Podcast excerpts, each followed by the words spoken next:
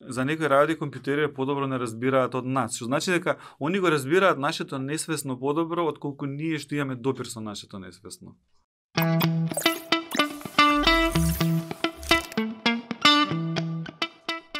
Добар ден или добро утро и добро дојдовте во 103-тото издание на Комкас. 103-то по повод годишниците на 103.20 на Радио 103. Изминатите денови си значите онака емотивни текстови, иако морам да признавам оф топик малку мене 103 ми бил секој пат нешто што сум го почитувал, меѓутоа не сум бил во ние die hard фанови на на 103. Ние металците не наоѓавме толку простор таму. Но Добро дојавте во Комкаст, подкастот во кој што зборуваме за медиуми, за маркетинг, за технологија, за се што не обкружува во ова наше дигитално секојдневие. Се надевам дека до сега сте предплатени, сабскрајбнати, сте стиснале follow или што и да е друго на каналот на кој што не слушате, а достапни сме на YouTube, достапни сме на мейл преку блогот на комуникација.нет и достапни сме секако на аудио платформите кои што се оригинално направени за стримање на музика и подкасти како на пример Apple Podcast, Google Podcast, Spotify, Deezer и Енкор. Ако некаде ви недостасуваме, слободно пишете ни, ќе се обидиме да го да направиме достапен овој подкаст и таму. Го отвараме 103-тото издание, повторно со, со гостин, на тема која што јас веќе добри две години се обидувам не толку многу детално, меѓутоа интензивно да ја следам. А темата е алгоритми. Од секој пат сме биле ние како креатори на Comcast и луѓе кои што пишуваат на комуникација.нет обседнати со тоа со развојот на медиумите, со улогата на медиумите, а денеска под влијание на нели социјалните мрежи, дигитализација, многу информации и така натаму, алгоритмите се тие кои што цело време се спомнуваат и обвину, се обвинуваат или се возвишуваат, односно слават дека се добри или лоши. И јас одрав оваа тема да ја дискутирам со Игор Трајковски, односно admin.time.mk На Игорова не му е прво гостување во Комкаст и заедно сега евоциравме спомени дека е, далечната 2012 година прв пат беше гостуван. Игор, добре дојде повторно после 9 години. Фала за поканата. Рековме дека нема да дискутираме толку многу за за Time МК денеска, меѓутоа ете, чисто во насока на представување ти си Игор, ти си креаторот на, на Time MK. На кратко, што друго би додал ти во оваа 2021 година во твоето CV? Како би се представил и како се представуваш сега? Па се представувам, да, се уште како основач и администратор на time.mk.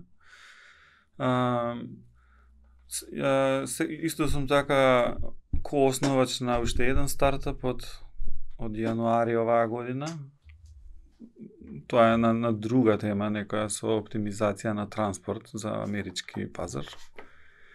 А, и да, професионално тие две ми се активно. И да речеме, некогаш и кога се опишувам и као поранешен професор на финки, уште ми лежи на срцето. А, така, не си веќе, не си активно. Не сум више, не. Добро.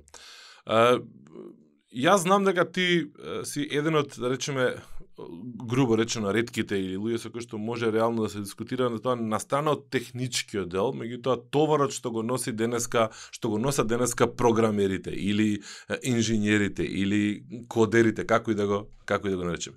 А, уште многу рано, а, нели во твојата кариера се бореше во име на Google со разноразни човечки и нечовечки ботови, а, кои што требаше да нели надвладеат едни на други, да ги над, да се надедат меѓу себе. И уште тогаш нели размислуваше малце повеќе понадвор од, од код. Значи размислуваше како тој код влијае во општеството. Затоа и тај МК веројатно е толку толку успешен колку mm -hmm. што е денеска. Кој е твоето гледање на најопшто можно а, ниво денеска на односот помеѓу алгоритмите и нивната улога во општеството, а алгоритмот и ние како корисници од другата страна?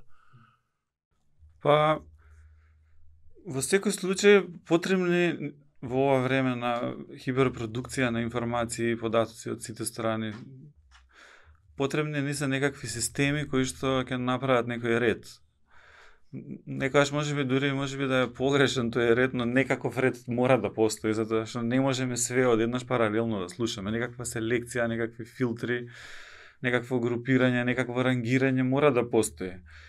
И сега кога ќе го направиш тој систем каков и да е, а, се јавуваат генерално два непосакувани ефекти за дизајнерите на системите.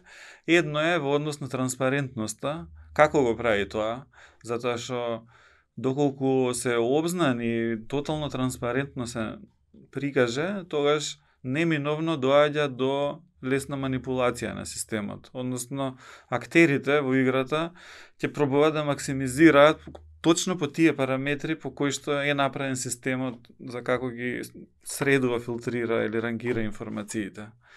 И, а, а доколку, на пример, па не се прикаже таа транспарентност, секогаш постои као обвинување дека има некаква манипулација или па некогаш дури не е ни намерна манипулацијата, односно нема чисто објаснување, туку се само како black box системите кои што даваат резултат што како да се рангира, да се прикаже.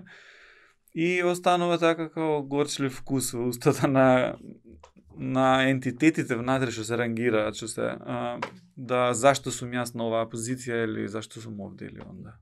А, значи, кога ќе спомнеме алгоритми, веднаш на прва ни текнува на Facebook, на TikTok, на Instagram, на Google и така натаму. Меѓутоа, во светот жестоки голе, жестоки дебати се водат на алгоритми кои што одлучуваат на за вработување, одлучуваат за здравствено осигурување, одлучуваат за не знам, реакција во брза реакција во некакви непосакувани ситуации, одлучуваат за еден куп други сегменти од нашето функционирање кои што за жал или за среќа ние се уште ги немаме во нашето општество дигнати на тоа за, ниво. За прием на факултет, за Да, да. И а, таму многу почесто може да се зборува да баш за таа транспарентност, за таа оштета, за тие да речеме обезбедување на основните човекови права, затоа што може би не знам, некои од тие алгоритми и, и, и програми не може лесно да детектираат еден тип на кожа, еден тип на лице или не знам, не, се имуни на некакви параметри кои што не може да ги квантифицираат и така натаму.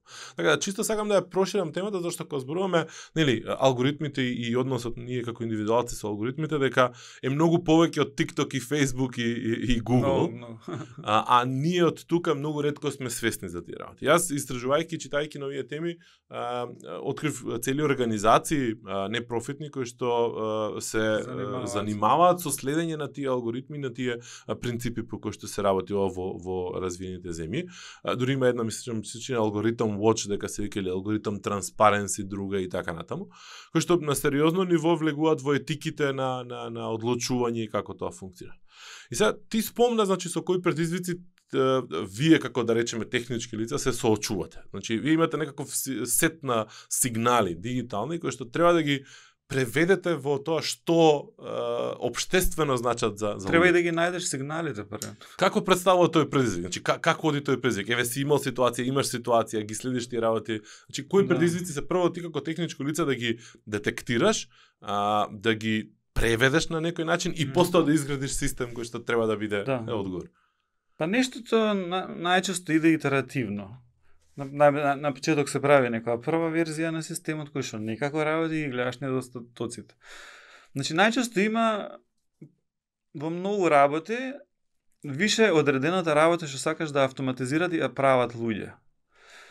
И првата верзија што ќе би ја направил на системот е да некако го, ги симулира резултатите од тоа што го прават луѓето. Например, еве ќе ти зададам, а, US News што дава рангирање на универзитетите во Америка, а после го прошира и цел свет. А, првата верзија е, ја, ја правеле луѓе. Односно, а, немало некој машин learning или дата mining некој огромен, туку земале одредени параметри за да ги изселектира универзитетите да се поклопат со обшественото мислење дека Стенфорд, MIT, Принстон и овие дека се најгоре. И првата верзија било така и но од кога ги објавиле тие параметри за како го прават тоа, наеднаш универзитетите почнуваат да да инвестираат во тие параметри или некако вештачки да ги прикажуваат тие да бројки, да, ги тюнираат, да оптимизираат, да идат нагоре. И се искривува целиот процес. А, најекстремен пример имаше да лани, мислам дека беше, уни... некој универзитет од Саудиска Арабија се појави дека е седми најдобар универзитет за математика во светот. И као, и тоа у две години од формирањето. И, и целото тоа го свеле на тоа да ги исконтактирале најуспешните објавувачи на математички трудови а, за да дојдат на три недели ама за нека огромна плата, некој стотици илјади долари, на три недели да дојдат на нивниот универзитет да одржат некои предавања и услов во нивниот affiliation да го стават и универзитетот на Саудиска Арабија.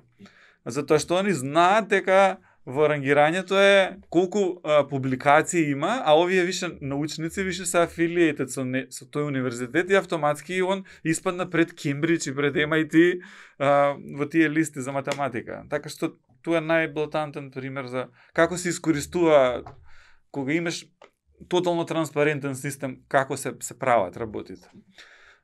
А, и сега инаку чест проблем за овие системи е што секогаш тие а, некако а, пробува да реплицираат го минатото, затоа што самиот машин learning алгоритам е види што било, како се одвивало предходно и направи во иднина да го правиш истото. И некако, не, некако сите грешки или недостатоци или дискриминации или шо и да е, некако што го има во тие податоци врз кои што се учат стварите, ќе се реплицираат неминовно во еднината, зашто алгоритмот не а освен ако ептен експлицитно не влезеш да некои морални етички норми да да да, да воведеш, ќе го реплицира тоа врз кој што е он учен.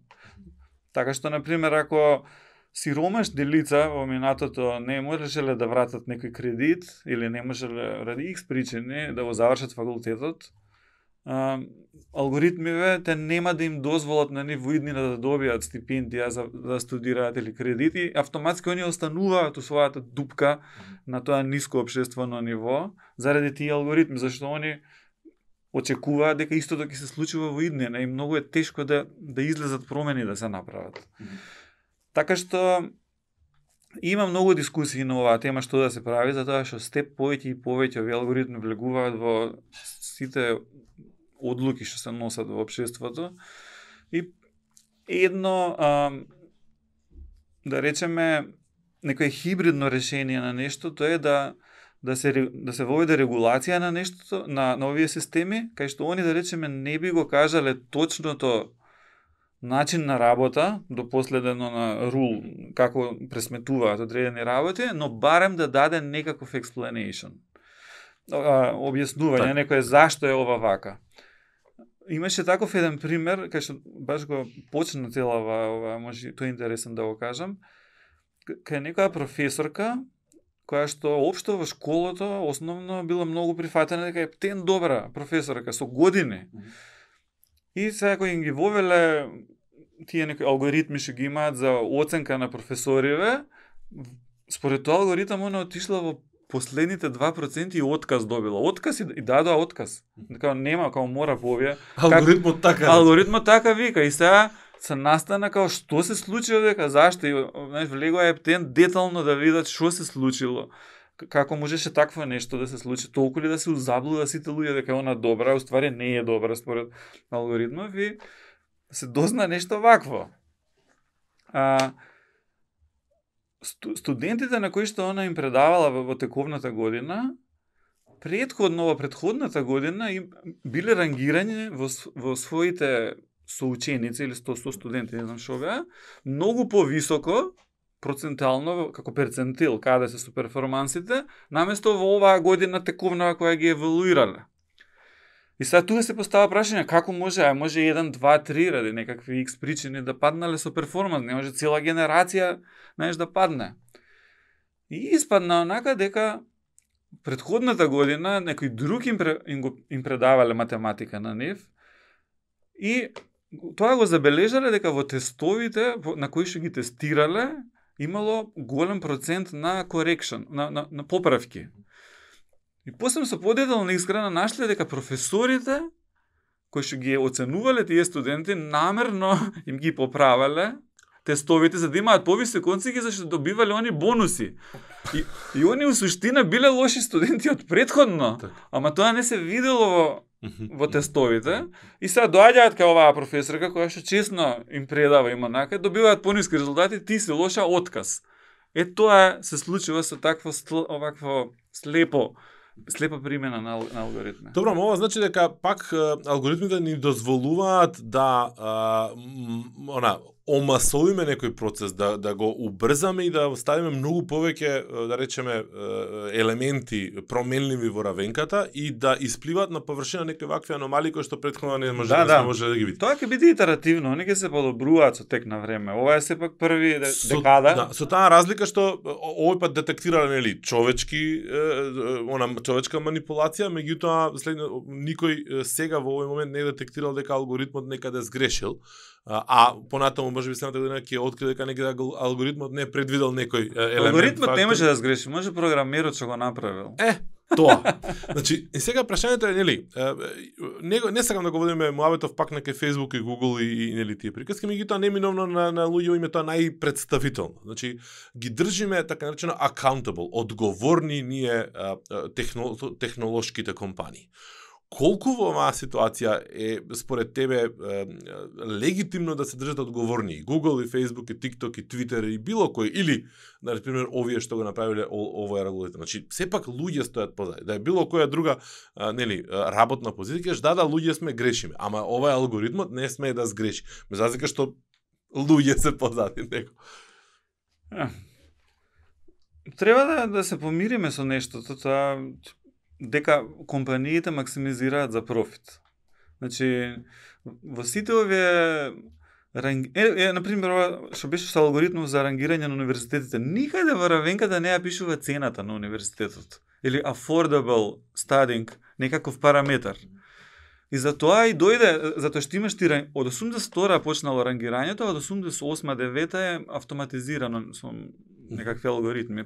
Првото било нешто посубјективно со некакви експерти што пишуваат ревјуа, yes. а од 89-та е со на хардкор бројки на мерење на стварите.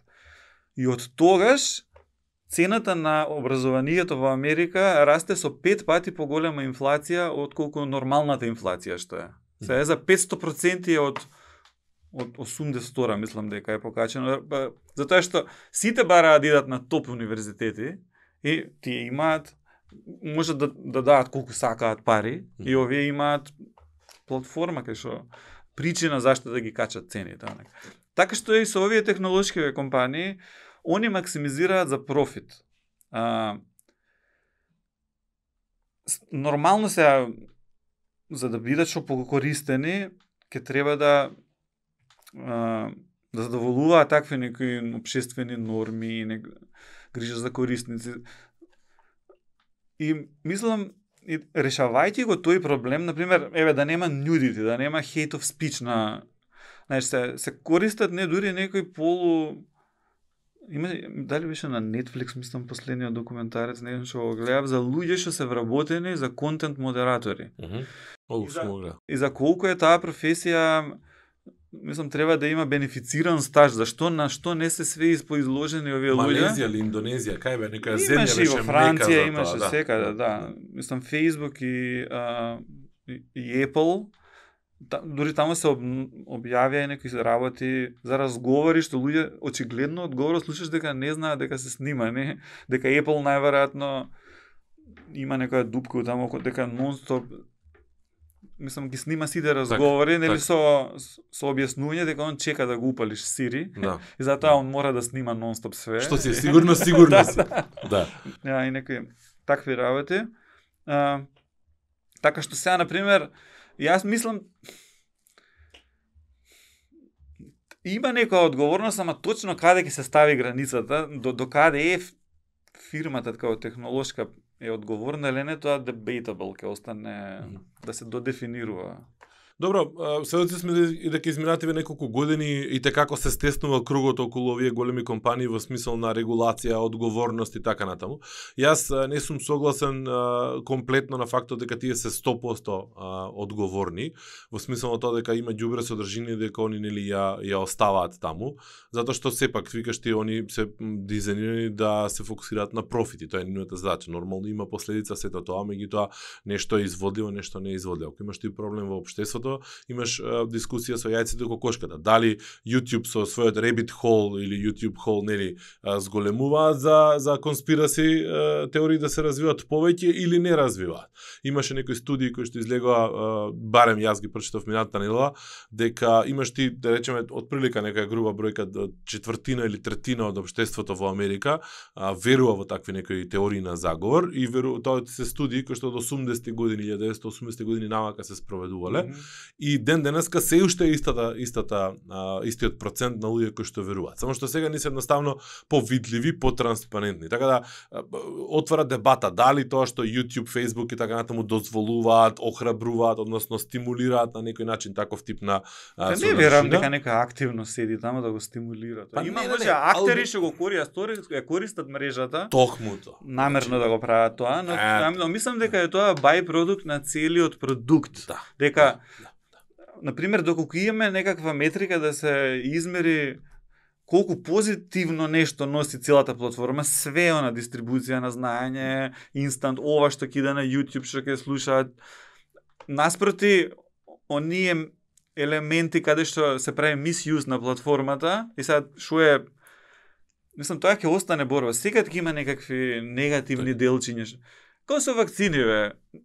Ставаш вакцина, да ке 10 милион ке пројде, ке двајца имаме проблем. и сега да. да укинеме ова вакцината Добро, така? да, ние како луѓе реагираме на негативните работи многу повеќе, мислам во секој случај. И сега тука приказката е колку а, ние како крајни корисници а, имаме активна улога во, во учењето на алгоритмите, пошто ја го сваќам тоа како однос. Значи, јас седнувам и посветувам време на TikTok, на Facebook, на Instagram, да искликам тоа што ми интересира, тоа што не ми интересира, да сватам како функционира малце од малце во алгоритм, зошто нека работи ми се покажуваат, и ако сакам или не сакам, што треба да направам за да не ми се покажуваат, за да може моето искуство да биде подобро таму. Значи, не е, оставам слепо да само кликам и да се чудам зошто вам случува. Меѓутоа, најголемиот дел од луѓето предпоставам не го размислува тоа толку активно. Не го гледаат толку, не гледаат толку активно на овој однос помеѓу индивидуалниот корисник и алгоритмот. Ко, кои се твоите искуства од другата страна, значи лично или можеби нешто што нели го среќаваш наоколу? Па Јас мислам дека комплексноста на денешните софтвери што се прават за да го прават тоа што го прават, е преголема за не само обичен корисник да го разбере тоа, него и самите програмери на крај го оставаа тоа како црна магија. На крај се сведува на некоја огромна невронска мрежа која што учи корелации, наоѓа патерни, кои што во често случаи не ни може артикулирано во вид, во вид на јазик и на едноставен начин преку два-три ентитета да ја описо, да се опише зашто ова го направи. Дури треба и ние да се запрашаме самите дали кога направиме некоја акција точно ли знаеме зашто ја правиме. Значи тоа е тотална амалгам собирање на милиони, илјадници, ако не милиони искуства што си ги имал во животот, да на крај твој decision making некоја невронска мрежа испособува све ова подбудно и на крај не, некоја сума од одредени ситни параметри е над некој трешол ти и ти правиш одлука. И не можеш тука да кажеш точно кое е едното нешто што донесе ова да, да се случи. Звучиш како Марк Закебен на одбраната пред Сенатот. а, значи, не, не можеш да најдеш точно, например, зашто кога нешто ти е препорачано, дека е точно ради ова едно нешто. А можеш да кажеш ради сплет на некој од овие работи, барем, на десетина поименам, затоа што не знам. Да, во некоја абстрактна форма, по, по некој генерален, опис онака веројатно би можело и некако и јас би гласал за натаму да оди регулацијата. Некакво општо да има објаснување онака зашто е ова вака. Mm -hmm. Например, заради твоите генерални преференции спрема нешто, не ради точно ради дека ова го направиле, дека се сретна со овој човек во Лондон на железничка и ве слушав, зборевте за тоа и тоа. Или такво нешто еден елемент, туку како е изграден профилот Затоа што имам, знам дека ти имаш преференција од прилика за тоа и тоа. А, добро, ако го отвориш ти на твоите преференции на Google и на Facebook да видиш он по, по што те идентификува, тие таму а, описи се прилично генерални. Се прилично Генерално општи. грешни често пати. И грешни, и се грешни, согласувам. Да, да. јас дури сум кликал на Facebook као неќам ова да ме следиш, тргни ми го ова од, од приказката и така натаму. Меѓутоа, тоа е од еден аспект што може би е окей, меѓутоа друг друг аспект многу конкретно, многу практично ги гледаме работиве. На пример, појма немам, јас сум сега периодов опстанат со мотори и сум зачленет во неколку нови групи со, со мотори. Цело време гледам содржина само со тоа, што има или нема врска со тоа. На пример, на Инстаграм кога ќе отварам Explore tab, ми се појавуваат ствари што никад у живот не сум ги гледал. Ме сваѓаш, али што, аха, он објавил слика со со мотор и да видам ја што е топу мотор мотори сега и сега жени со мотор имаш. И ми дава онакви некои у кожа стегнати жени, Сум трен. Значи никад не сум го гледал тоа. Ме сваѓаш, не, не ми интересира. И сега јас ради таа некоја моја пасија сум жртва на масата. Да, да, да го наречеме тоа, да го наречеме тоа така. Ама може би не знаеш дека би ти се свиѓало тоа. Знаеш. Ја мислам, знаеш дека луѓето моментално се се на средина и, и се онака удирани од двете страни од два несвесни процеси што се ослучуваат. Еден несвесен процес е твојот несвесен процес што е во главата, што ни ти не го разбираш точно што бара он и кај сака да тера, Мгм. туку само добиваш нека фактура од оздола, изврши ова, стакај го ова. Кликни овде. Знаеш, онака, ова нека треба да ти се свиѓа. Ти не знаеш зашто нешто ти се свиѓа, то добиваш една пресметка е холистичка од внатре да нешто ти се свиѓа. Од другата страна имаш па друг процес што ги наблюдува твоите акции и пробува да го разбере, значи ти си као интерфейс на твојата подсвес, која што прави акции, клика, гледа, збори, се движи некаде, остава траги. И од другата страна имаш друг процес кој што ги собира сите тие информации и сака да го разбере ова, ама он сака да го разбере тоа примарното, длабокото од внатре што ги дава фактурите за акции, за извршување. И, може сега тебе да ти дојде некаква реклама или некакво нешто, некаков recommendation за контент, што што и да е, и да ти он- онака свесно од прво не ни знаеш дека а тоа уствари го сака тоа позадинскиот процес што ти е несвесен. А, така што ова не а, не толку треба да Да се замараме. Значи работите некад што ги гледаме вака што се чудиме онака дека може да се стварно производ онака од од нашата подсвест на крај крајава. Зашто е тоа? Затоа што овие две работи што комуницираат преку нашите акции може да дадат нешто за нас што ќе ни изненади онака. не? Мислам некако така размислувам ја од прилика. Начинот на кој што го објаснуваш ова, нели, еднава мрежа, нашава другава, ми делува дека се ме многу блиску да тие се исти, да бидат на исто рамниште, да оваа невронскава вештачка мрежа веќе можеме слободно да ја израмниме со со нашата во, во Па нашата натаму иде. Мислам, еден ден баш е точно тоа што го викаа дека некои за некои работи компјутери подобро не разбираат од нас. Што значи дека они го разбираат нашето несвесно подобро отколку ние што имаме допир со нашето несвесно. Во тој смисол не, не знаат подобро од нас. Е реченицата. Се е тоа во под влијание на тоа дека ние сме она ден и ноќ во константна интеракција и пуштаме сигнали. Дека не сме off the grid, што би се рекло. Дека цело време ги учиме. И тука имаме неколку големи играчи кои што еден многу преќутно цело време се протнува, тоа ми е Амазон. А, затоа што знаем исто така многу за нас, а, особено нели за земите каде што оперира многу по, детално, по а, масовно. Ама знае не само тоа што сакаме и што кликаме, туку знае и каде ги трошиме парите. Тоа е нај, да речеме, јасниот индикатор на тоа што За сакаме профит и ако правиш, да. Кажи? За профит ако правиш, да. Па не само тоа, него и како одлука, значи ја може да лајкам поима немам, не знам, кучиња, ама никој пат у живот да не купам храна за кучиња, значи дека немам. Значи сакам, имам желба, ама не сум потрошувач ако нели, ако немам де факто, де факто куќи и така натаму. Така да, нели, тој момент на тоа што сакаме, со кого сакаме да ги правиме работите, тука ни се Facebook, Instagram, Twitter и нормално каде реално ги трошиме нашите пари а, ние ние Amazon. Но ајде тогаш не знам сега колку ќе те погодам со прашањето едно време TikTok стана нели као спектакуларно популарен благодарение на неговиот алгоритам кој што без разлика што ти немаш профил, не си најавен, отвараш на телефон апликација и тој нивни а, нели стрим почетен, толку многу е добро направен да стварно те си викаш ја ќе утепам тука време. Е, Го отварам ова прашање затоа што тука немаме сигнали. Условно речено немаме сигнали, иако самиот телефон носи сигнали еден куп со себе. Но тука во ситуација е да ти направиш алгоритам кој што ќе го задржи твоето внимание, кој што основната цел како што кажам ли, ти е профит или ти е борба за внимание ако го преведеме дека ни треба им треба на, а, на овие сервиси внимание човечко, корисничко, за да може да ги пласираат рекламите, тогаш нели TikTok успеа маестрално да го направи тоа. Колку е тоа она на граница на неетички, на подло, на на на преварантски, на а, затоа што ти правиш код и ти доаѓа кој доаѓа? Доаѓа маркетер, доаѓа behavioral, не знам, научник, доаѓа газдата и ти вика слушај, овде правиме пари, направи што и да треба да направиш, па макар и ги тргнал копчињата од овде од онде за да луѓето останат поише. Како оди тој процес?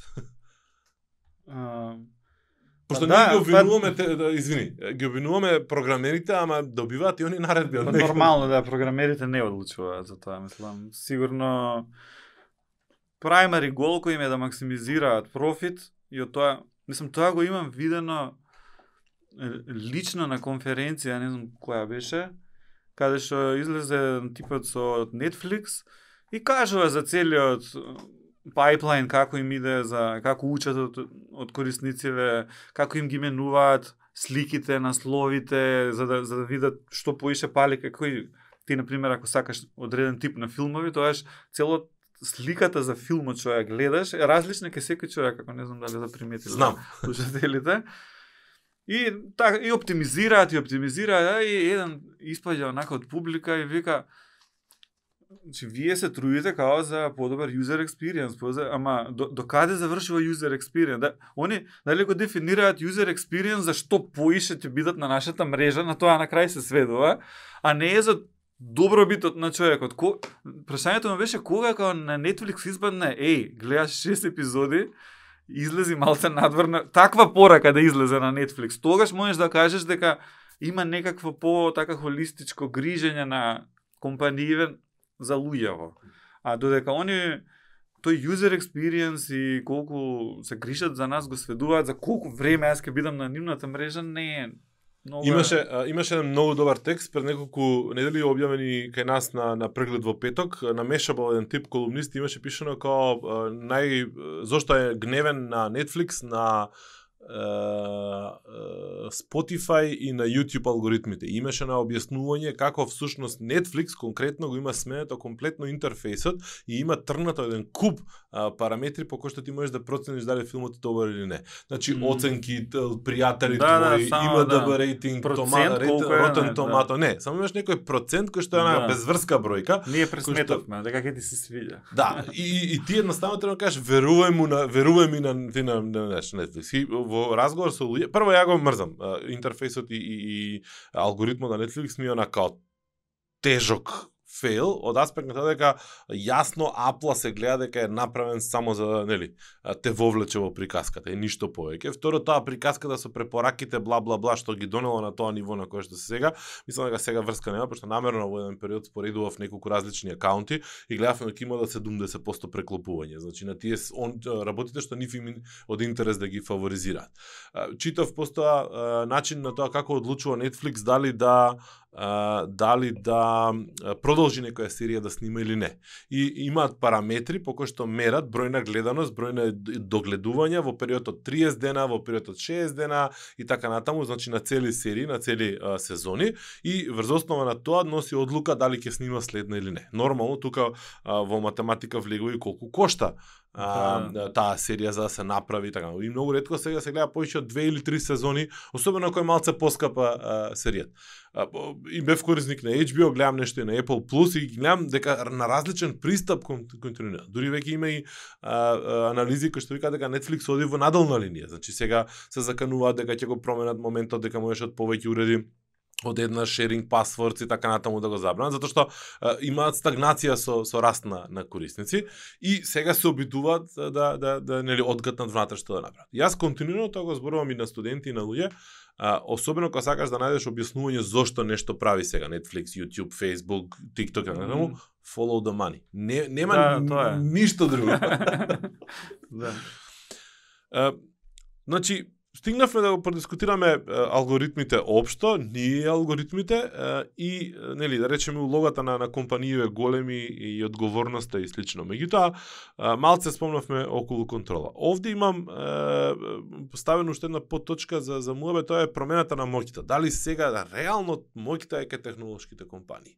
Дали тие де факто носат одлуки за промени во општеството, пошто сега гледаме на Facebook му вадат еден куп муабети дека во онаа земја не реагирал за не знам пуч во таа земја помала во оваа на Америка беше доскоро, М, нели или едноставно кој е твоето видување?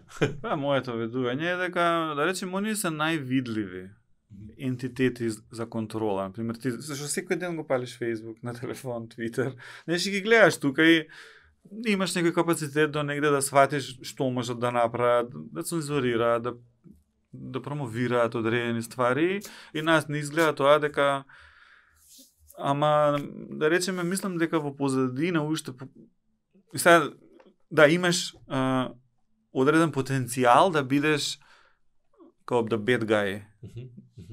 Онака, но сега дали се они најлошиот играч во, во, во све, дали може би некој политички сектор или банкарски сектор е уште полош од нив и како сега да ги измериш колку банки ве со тие манипулирања со што прават на, на берзи дали тоа на крај колку ни влие на нашиот живот или самиве технолошки компании не можам да, да одредам. Дали се они најлошото нешто на планетава сега, моментално. Или нафтени компании, или ш- па те, Јасно, нешто. Мислам, Добро. прехрамбена индустрија или нешто. Дефинитивно се на пик затоа што се очигледно моќни. Мислам, Да. тоа е тоа е нели, не да, но да, но да го измериш тоа релативно во однос на некој поголем систем, колку се они кај се наоѓаат, не знам како би го направиле тоа. Имам уште две прашања. Едно е да ја продискутираме идејата која што мене ми се причини доста интересна, иако не е баш многу елаборирана, а тоа е некој предлог во твитови на Джек Дорси, еден од основачите на, на, на Твитер, а, дека може да имаш на исти сервис различни алгоритми. А, ти имаше нешто вакво слично на TimeMK, да речеме, те, однапред си ги согледувал опциите, и а, не, не беше оне аутсорс, не беше друг надворешен човек да направи. Како како гледаш на тај да? Аха, супер, еве го дейта сетот. А, еве ти, не знам, апи, мапи, што и да е, и сега можам ја Твитер да го гледам врз основа на алгоритмот на На кој, некој. Игор. На некој, да, да, да. И он ти вика да го следиш мојот алгоритам и мојот е за ова направен, Да. за тоа направен, за она направен. Па, на, например, кога имавме персонализација на тајм, каде што можеше секој да, да си ги мести а, тежините на изворите и темите, а, сакавме следен чекор, после тоа да направиме да според тоа неговото куки, некакво ID, да можеш тај МК кроз некакво username ID и јас според, да го читам тајм според ти како си ги наместил Мгм. нештата. Е, Мислам, многу лесно, лесно се имплеме- имплементира тоа. А, но се решивме на оваа по а, ригидна верзија, значи ние го, го, го скративме тоа персонализирање и го сведовме само сега на 3-4 верзии на тајм, не секој да може да се дефинира како што сака. Затоа што и тоа е одлука, онака, значи можеш ти вака, можеш ти онака, но и ја јас лично онака сметам дека дека мора да има некоја унификација на world view-то на голем број на луѓе за да се направи нешто. Доколку имаме таква фрагментација на тие bubbles на луѓе кои како ги гледа нештата, мислам дека не може да се направи таква кохерентна сила на некакво движење, на некое исто мислење за нешто да се пушнат работите. Мислам, таа идеја онака некако ми дое во, во мала верзија е ова нормално, као религијата што му овозможила на човештвото да направи тоа што го има направено во последниве илјада години, во тоа групирање, сите заедно веруваме во една приказна, во едно нешто и можеме нашата животна енергија и идеи да во една насока да, да буткаме и, и да направиме нешто, што и да биде тоа, знаеш, доколку секој си усвои микросвет со своите верувања, знаеш, она секој си има право да си верува што си сака. Не, Да. не може, има некои работи што се знае како се. А, а, така некако одлучивме дека е да има ете да речеме малце по конзервативна некоја националистичка верзија, може би, mm како да кажеме, или по демократска и и тие си, си се потребни едни на други. Не? Се покажало тоа бар во историјата политичка онака дека дека мораш да ги имаш тие две сили. Едната да прави прогрес, да речеме да либерали, демократи сакаат да го менуваат системот некако за подобро живење, но тоа екстремот на тоа е се а, е нацисти, Така, комунисти, некои екстремни онака. Така.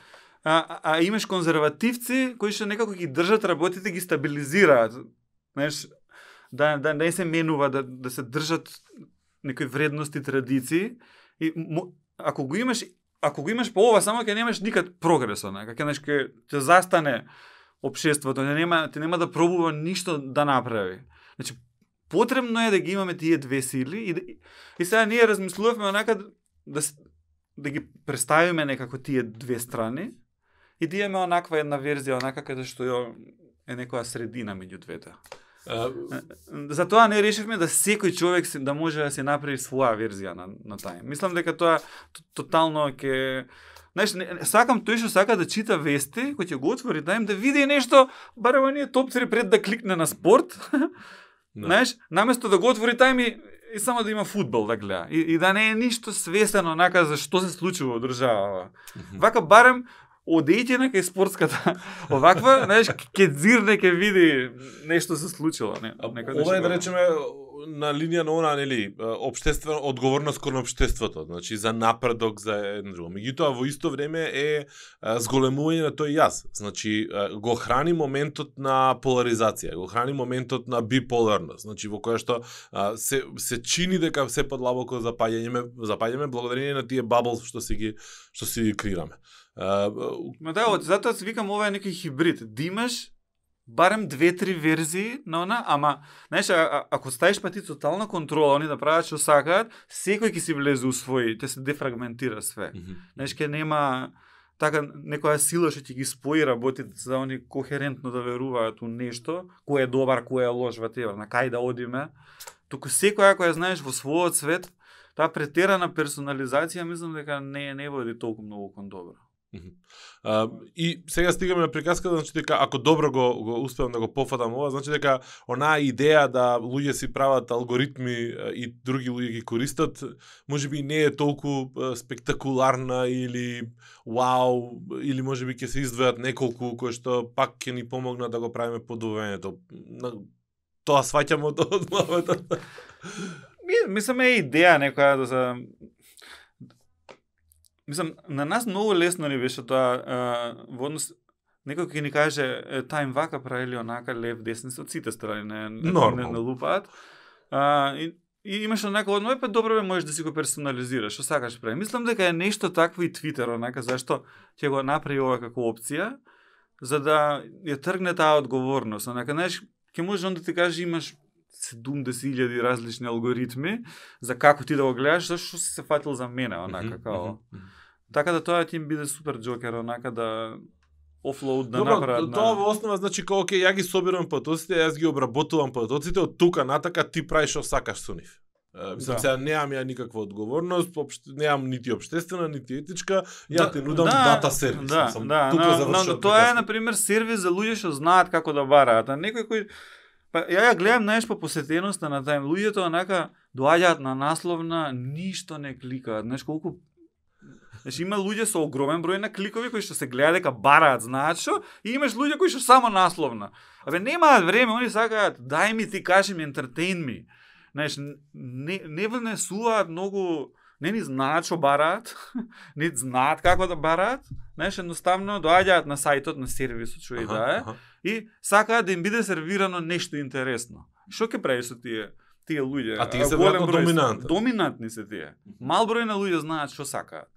Што значи ова дека луѓе доаѓаат на тајм и не кликаат ништо понатаму? Насловна. Мислам, Отварам првото, насловна. насловна и имаш друга група на луѓе кои што кликаат a lot, Аха, аха. Знаеш, и на крај се сведува на некои си три клика по визит у Аха. 2,7 мислам Така дека е. на, на визит. А, ама е така изместено, имаш со по 2-30 page view юзери и, и со еден. Да, не, не, можам, не можам да не можам да не, да не те прашам, иако рековме ќе стоиме на страна тајм.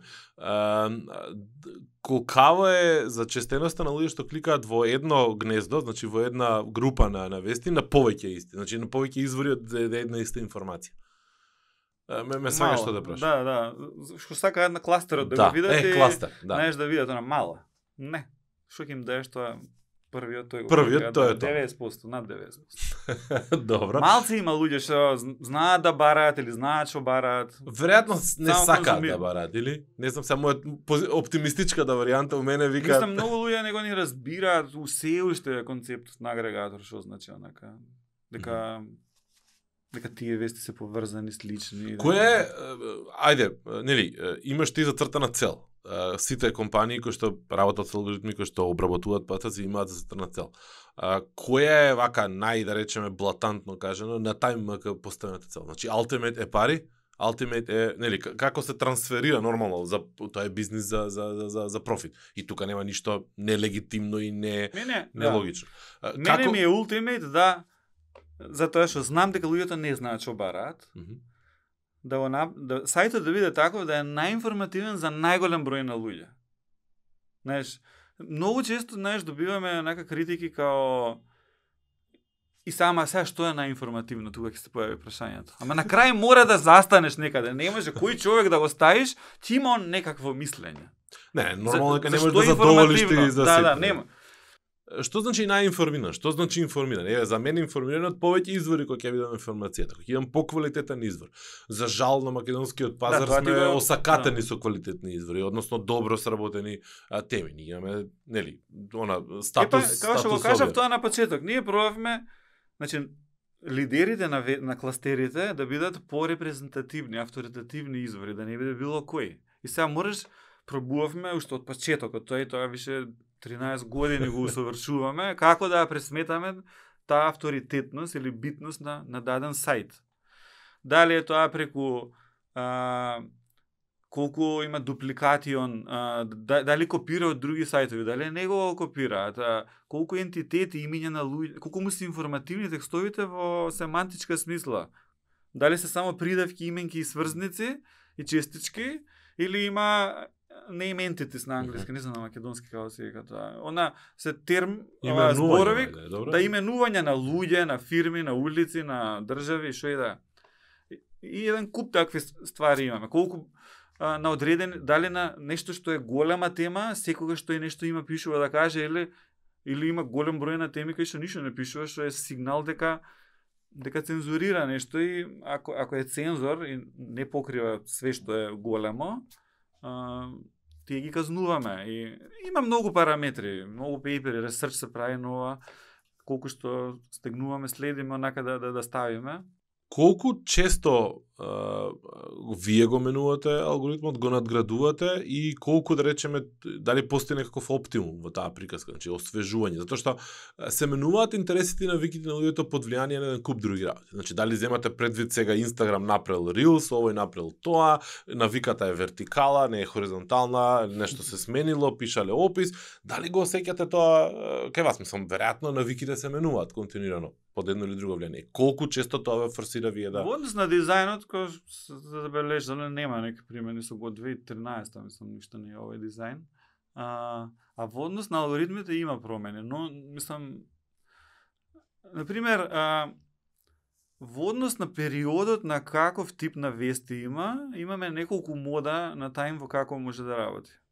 А, например, за избори имаме посебен еден мод, кај што е битно брзо новите работи да испаѓаат која си кој има на вечер на избори кога има резултати некоја вест што е 3 сата стара, нема поента у тој момент. Значи Така. мора да е агресивен алгоритмот за нови работи. Например, после 12 по, до 6 са бајле поинаку работи тајм сега малце издавам некои ствари, Добро. ама окей. ќе го А, истечеме. Да, затоа што и тамо некои медиуми научиле дека после 12 никој не и они постираат и тамо се стават на прво место е чекај. Знаеш, им најавме некаква лек на, на таквите навечер што крадат кликови, онака. А, и, и такви, например, во однос на овие сообштенија, еве, што и, за колку има починати со корона, што се, тоа се све се копии едни на други. И сега, да, рад, да, рад, да направиш разлика, што е разлика помеѓу сообштение од ВМРО или од СДСМ и сообштение од Министерство за здравство, зашто овие со здравство сакаш да ти бидат топ теми, а овие нонстоп ги има по 20 на ден пуштаат едните и другите и, не, и цел тајм ќе ти биде нонстоп со такви. И сега да направиш што е специфично за овие? Знаеш, има такви е, работи што ги решаваме, што што испаѓаат како што тече времево. Добро, од... кој, кој ги алармира овие? Значи ви, ви кажуваат корисници, вие сами ги анализирате, ги гледате под нели како излегуваат, што излегуваат. Па дел сами како зашто јас го и тајм читаме тајм и гледаме и за нешто што сме информирани дека е битно, а го нема. Например, испаднале резултативе за по, ова ново заразени, кај нас го нема како топ тема. Знаеш дека нешто не ти, нешто треба да го смениш алгоритмот. Не е уреду тоа. Или па читаш на Твитер, се жалате, е, ова го нема, ја ќе видам што е таа вест, каде, зашто е кај нас бутната вамо е, не е тамо, дали е основано тоа или не. Така што има фидбек онака за што го собираме од сами од корисниците за да ги менуваме работите внатре. Јас многу често на луѓе им велам, дори на клиенти на вако дека знаеш како вебсайт е жива материја. имал немал алгоритам во позадина, она е жива Скроз. материја. Значи, Скроз. кога еднаш ќе го направиш, он почнува да живее тогаш. Не не умира, не замрзнува, не не стои така, него едноставно тогаш почнува да живее и ти треба да го работиш, да предвидиш ресурси, точно, да следиш точно, во околина што се случува. Особено ова важи за ваков тип да, каде што се минути прашања, да. Сајтови. Да. А, Игор, ја стварно ушивав ептен. Многу и повеќе зборував од што сакам и планирам, затоа што ми се темите онака баш драги и, и, и, и сакам да ги дискутирам. Многу ме радува кога ќе најдам луѓе кои што размислуваат за овие работи, кои што не се слепо само нели следбеници на оваа приказки, а не се замарам, идам на ваму, идам таму, правам ова, правам она, а цело време се нешто незадоволни. Цело време ова не им чини, тоа да, не им да, чини, да. она чекај малце, размисли. Да, да. како ти би го направил тоа, како какви проблеми би имало? Uh, знаеш, предизвиците јас ги согледувам, ги гледам, uh, многу, делумно. Многу параноја постои дека знаеш се прво и најлесно објаснување за зашто нешто, кога нешто не е како што они сакаат, е дека некоја партија или некој ентитет нешто убешал прсти, да. дека не е до процесот алгоритмот така е направен и он така ги прави работите, туку дека има кеш негде платено, дека негде е наместено нешто. И, па тоа е дефолтот, тоа е нај стандард, да, најсигурниот начин. Одма, си го решил проблемот. А, Игор, ти вети дека од кога ќе завршиме со овој муавет ќе си ја преслушаш еднаш од 2012 да, епизодата и ќе согледаш разлика помеѓу ставовите, искуствата и мислењата. А јас ти гарантирам дека ова нема да последното твое гостување во во Комкаст, затоа што а, темиве секако ни се ни се онака е, актуелни и муабетот е, е супер. Mm -hmm. Ти благодарам уште еднаш за гостувањето. Се благодарам на сите што успеавте да слушате до крај и повторно да повторам. Значи, subscribe, like, share, клик, follow, што и да таму тоа. Значи, комент, односно коментирај, што и да те прави тебе среќен за да го научиш алгоритмот да ти го покажува нашиот комкаст многу почесто онаму кај што треба да го гледаш. Ти благодарам уште еднаш, Игор. Hvala,